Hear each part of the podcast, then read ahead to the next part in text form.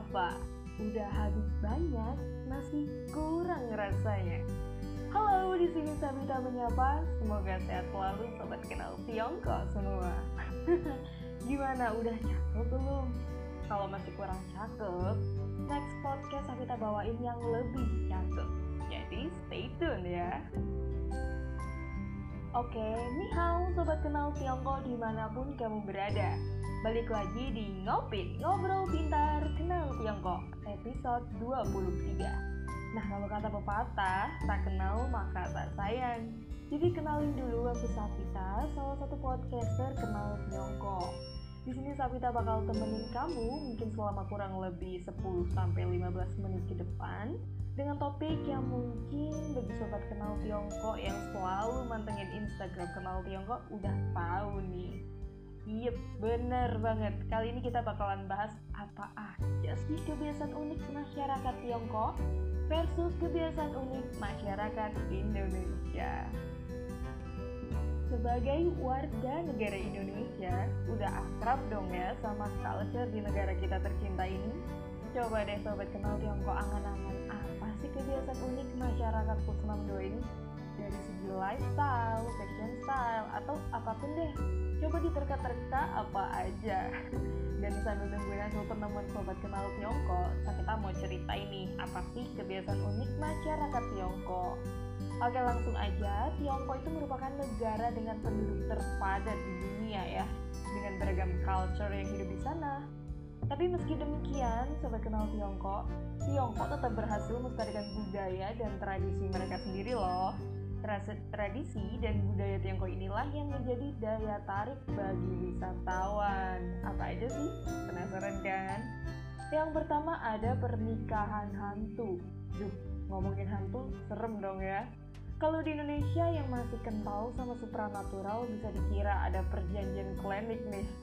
Tapi uniknya pernikahan untuk orang yang sudah meninggal ini merupakan kebiasaan di daerah pedesaan Tiongkok Biasanya pernikahan dilakukan antara orang yang sudah meninggal dengan orang yang masih hidup. Wah, kenapa? Ngapain bisa? Hal ini terjadi karena sejumlah alasan. Dalam beberapa kasus, pernikahan hantu dilakukan untuk mengadopsi ahli waris masa depan atau karena yang meninggal masihlah lajang. Hmm, tertarik? Oke, selanjutnya ada food binding. Food binding dianggap sebagai standar kecantikan masyarakat Tiongkok kuno loh. Food binding atau pengikatan kaki bagi wanita Tiongkok sudah ada sejak akhir abad ke-13. Wah, udah dari lama juga ya. Mungkin kalau di Indonesia waktu itu masih zamannya Patut Gajah Mada lagi bikin strategi buat naklukin Singosari. Aduh ke mana-mana ya Sam. Tapi uniknya nih, kebiasaan ini dilakukan dengan membungkus kaki menggunakan kain kasa. Untuk apa? Ini tuh untuk memaksa masuk kaki kita masuk ke dalam sepatu lotus yang kecil.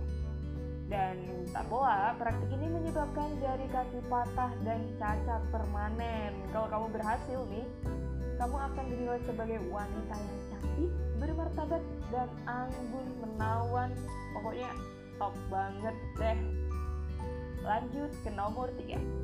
Jarang ada angka 4. Yuk berhitung. 1, 2, 3, 5, 6, loh.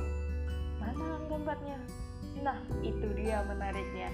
Kalau di Tiongkok, mereka jarang banget nih pakai angka 4. Kok gitu? Karena dalam bahasa Mandarin pelafalan angka 4 dianggap sangat-sangat sial karena menyerupai pelafalan kata dalam bahasa Mandarin untuk kematian. Unik kan? Dengan pemikiran ini, banyak juga loh elevator di Tiongkok yang menghilangkan nomor 4 dari lantai mereka seluruhnya. Lanjut ke nomor 4. Putih dianggap sebagai warna berkabut. Kebiasaan satu ini selain unik juga mengejutkan beberapa pihak loh sobat channel Tiongkok. Mengingat banyak masyarakat dari negara-negara di dunia menggunakan warna hitam untuk berkabung. Tapi nyatanya, putih adalah warna yang digunakan untuk kematian di Tiongkok. Hal ini termasuk pakaian pemakaman untuk para tamu dan keluarga almarhum. Jadi jangan sampai salah kostum ya. Nomor 5 adalah angpau. Yang warna merah berkilau, apa ya namanya? Oh iya, kami tadi udah saya udah sebutin di depan ya, angpau. Yep, identik banget sama Imlek. Apalagi kalau bukan angpau. Untuk ulang tahun, wisuda, dan perayaan tahun baru, amplop merah atau angpau berisi uang adalah hadiah yang populer di Tiongkok. Awalnya, praktik ini berawal dari dinasti Qin tahun 221 sampai 206 sebelum Masehi, ketika para lansia mengikat koin dengan benang merah. Ini adalah pertanda keberuntungan dan sarana untuk mengusir roh jahat. Kemudian, tradisi ini berlangsung sampai sekarang dengan pengembangannya yang semakin luar biasa ya sobat. Oke, lanjut nomor 6. Menawarkan sesuatu dua kali. Untuk warga plus 62 pasti langsung kepikiran. Cari apa kak? Bajunya, satunya lagi diskon. Bukan menawarkan ala mall seperti di Indonesia ya.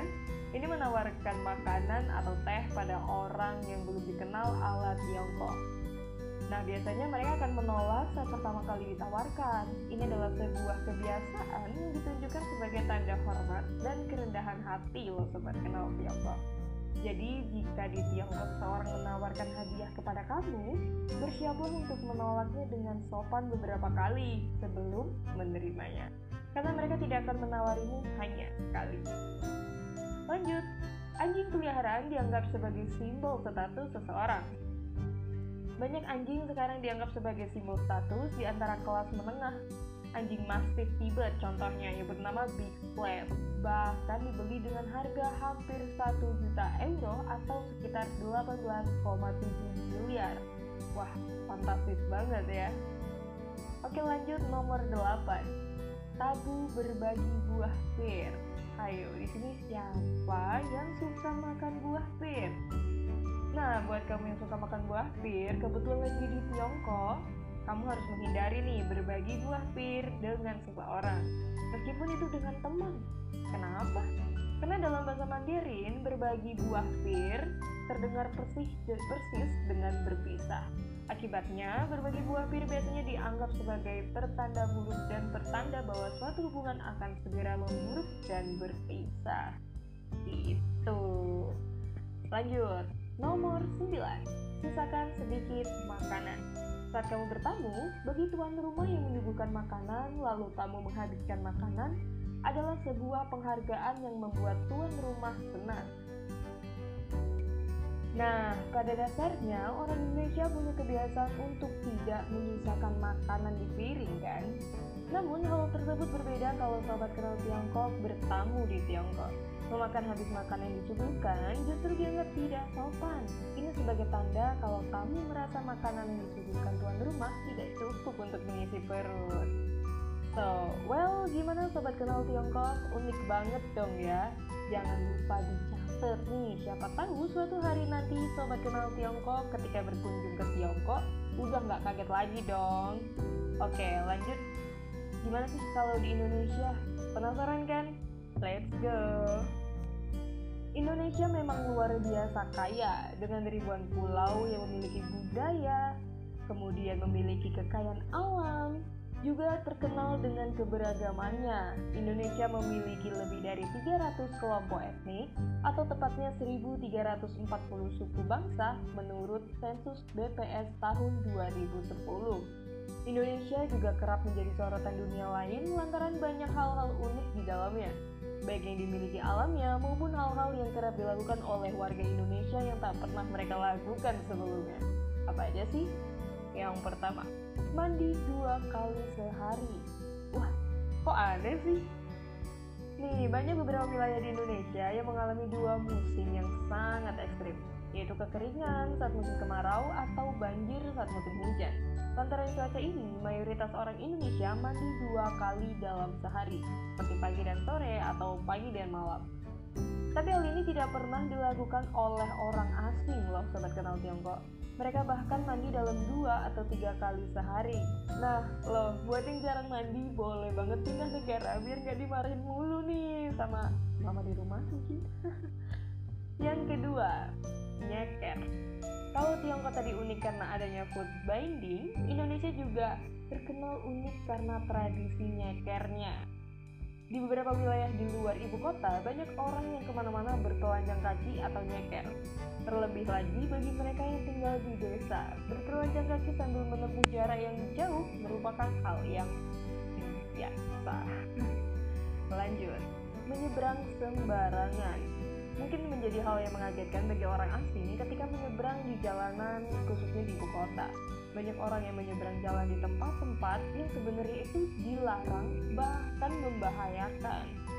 Jadi masyarakat Indonesia suka banget tuh nyeberang, tapi nggak harus zebra cross, langsung gas aja gitu. Ayo siapa nih yang pernah kayak gitu juga? Minum jamu. Banyak orang Indonesia yang masih meyakini khasiat jamu sebagai penyembuh penyakit. Alih-alih pergi ke dokter, tak jarang mereka justru memilih pengobatan tradisional untuk menyembuhkan penyakit yang dialami. Nah, kalau ini sih Tiongkok juga dikenal sebagai salah satu negara yang memiliki ramuan herbal mujarab ya, sobat kenal Tiongkok. Tradisi ini sudah ada dari dulu dan terus dibudayakan. Nah, itu dia tadi beberapa kebiasaan masyarakat Tiongkok dan masyarakat Indonesia yang unik-unik. Gimana? Unik banget ya? Keduanya sama-sama unik, sama-sama menarik, sama-sama memiliki nilai filosofis, sama-sama memiliki nilai historis yang luar biasa juga. Tapi itu baru beberapa aja loh sobat kenal Tiongkok. Masih ada banyak banget yang belum kita sebutkan dan mungkin akan kita bahas lagi bareng sobat kenal Tiongkok di next episode podcast Ngopin selanjutnya. Oke, sekian dulu dari Savita, mewakili kenal Tiongkok mengucapkan mohon maaf atas ketersalah kata maupun pengucapan. Sampai jumpa lagi, stay tune terus dan sehat selalu Sobat Kenal Tiongkok di mana pun kamu berada. Savita pamit undur diri dan sampai jumpa lagi. Bye!